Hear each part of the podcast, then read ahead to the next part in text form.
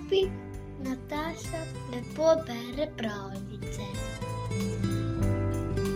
Bratislavska pravljica o dobrem duhu reke Donave nas pouči, da prosimo za pomoč le takrat, ko jo res nujno rabimo. Ribiči ob reki so dobro vedeli, da so odvisni od narave in od samih sebe. Za pomoč je ded prosil le enkrat, takrat, ko so otroci umirali od lakote. In dve uslugi, ki jih orel še dolguje, bodo morda potrebovali otroci ali vnuki ali pravnuki. Prisluhni. Dobri duh reke Donave. Odkar pomnijo, so bili urbanovci ribiči, oče, ded, praded, pa tudi prapraded. Tudi jaz bom ribič, je govoril mali Kliment, in ujel bom tako belugo, kot si jo ujel ti, dedek. Takrat veš, ko so se nasitile z njo vse ribiške družine. Dobri duh reke Donave mi jo je pognal v mrežo, ker je naklonjen urbanovskemu rodu, je pristavil stari ribič. Sicer bi takrat vsi pomrli od gladu. Zakaj pa je naklonjen našemu rodu? Zato, ker mu je nekoč nek naš prapraded naredil uslugo. Saj sem ti že pripovedoval o tem. Pripoveduj mi še enkrat, dedek. Kakšno uslugo mu je naredil naš prapraded? No, prav, pa naj bo še enkrat, je prikimal stari ribič. Naš prapraded je na dvorišču popravljal mreže, bilo je prav na tem dvorišču, le da koča takrat ni stala sredi naselja, kot stoji zdaj, ampak prav na koncu. Sonce je sijalo in nebo je bilo jasno kot oko, brez enega samega oblačka. In ko je naš prapraded tako sedel na dvorišču, se mu je na lepem zazdelo, da se je stemnilo in da je nekje zgoraj zapihal veter. Videl je, kako je velikanski orel na nebu razpostrl krila kot jadra, kako se je spuščal navzdol in skrili prekril vse dvorišče. Ribič se je prestrašil, glavo je povlekel med ramena. Tedaj pa je na lepem začutil, da so ga ostri kremplji zgrabili okoli pasu in ga dvignili v zrak. Moja smrt je prišla, ga je prešinilo in od strahu ni mogel niti krikniti, saj se je prestrašil celo njegov glas in ostal je popolnoma nem. Tako je samo nemočno opazoval svojo kočo, ki se je izgubljala v daljavi in globini, dokler se mu ni končno povsem izgubila izpred oči. Orel je letel pod oblaki, letel je proti toku Donave. Poglej, no, se je čudil ribič, koliko rokavov in tokov ima tale Donava. Kot drevo je razvejana, prav res.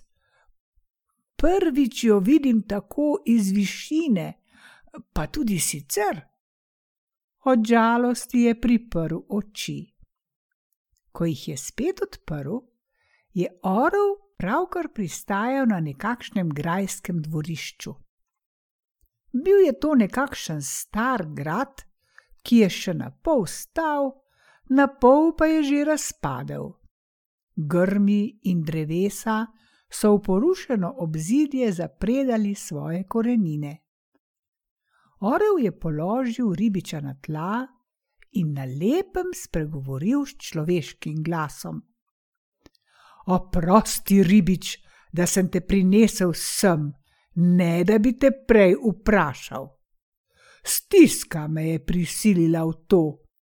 Moja žena, Donavska orlica, si je pri lovu zlomila krempel, zato te prosim, da bi ji pomagal.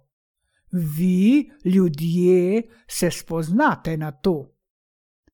O, če je samo to, se je razveselil naš prapradet, ki je bil prepričan, da ga je orel prinesel za gostijo svojim orličem. Tako je lažje zadihal. V kotu dvorišča je zagledal orlico. Sedela je na smrekovih iglicah, bila je le malo manjša od svojega moža orla, ranjeno nogo pa je držala daleč od sebe. Ribič se je oziral, da bi našel tisto, kar je potreboval. Z mlade lipe je odlomil vejo in z nožem narezal deščice. Potem si je slekel srajco in jo raztrgal na krpe. Zlomljeni krempel je najprej položil med deščici, nato pa vse skupaj dobro povil s platnom. V enem tednu se bo zacelilo, je rekel. Hvala ti, ribič, je rekel Donavski orel. Nikoli ti ne bom pozabil te usluge. Pa vej mi torej, hočeš, da se oddolžim tebi ali tvojim otrokom? Naš prapradec se je zamislil, na to pa je rekel: Meni zaenkrat nič ne manjka a moji potomci bodo morda potrebovali tvojo pomoč. Torej prav, ribič, je rekel orel.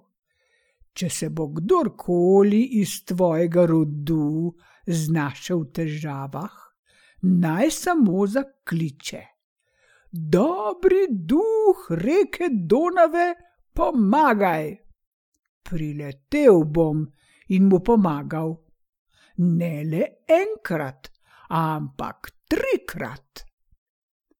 Donovski orel je našega prapradeda na to odnesel do Donave in ga položil v prazen čovn. Tok ga je v njem hitro prinesel domov. Tako je torej bilo, sinko. Obljuba donovskega orla se v naši družini prenaša iz roda v rod. Leta so tekla in nihče v naši družini še ni prosil orla za pomoč, ni nam bilo treba. Nekoč pa se je to, vidiš, moralo zgoditi prav meni. Bil sem mlad, šele komaj oženjen, ko so nad nas prišli hudi časi. Voda v reki je upadla kot še nikoli, ribe pa, kot bi iz Donave odplavale v druge reke. Tudi polja so slabo rodila, pa vrtovi, vinogradi. Suša je bila tako strašna, da se je pregrizla prav v nedrje zemlje. Niti desetine nismo mogli oddati, dvakrat nam je ostala za naslednje leto. Grad je namreč zahteval svoje. Že to je bilo veliko, da so bili pripravljeni počakati. Nek jesenski večer smo končali spet enega izmed neuspešnih lovov. Spet smo se morali vrniti domov prazni, kot že toliko tednov. Doma pa so čakali lačni otroci, ki so že davno pospravili iz shramb še zadnje mrvice hrane in čakale so žene, pa stari starši, ki so že tako dolgo živeli le od dveh, treh žličk beraške juhe na dan.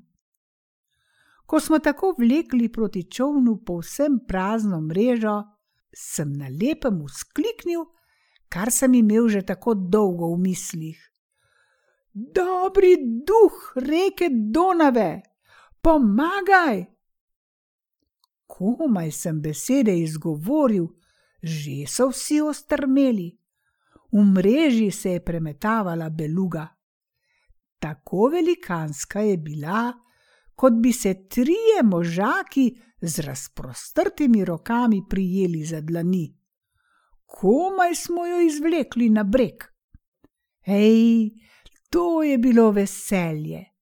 Vsa ribiška naselbina se je ta večer po dolgem času prvič do sitega najedla. Ulov pa je bil od tega dne dalje spet vedno boljši. Časi so se tako zjasnili. Kako lepo, dedek, je od veselja zaploskal mali Kliment. In veš, kaj je še lepo? No, kaj? To, da nam Donovski orel dolguje še dve uslugi. Ali ni res, dedek? Res je, sinek, dve. A naš rod bo živel še tisoč let, morda celo več, se razumeš? Razumem, kako ne bi. Orle bo treba poklicati le, ko bo zelo, zelo hudo, ali ne? Tako je, sinek, le takrat, ko bo stiska največja.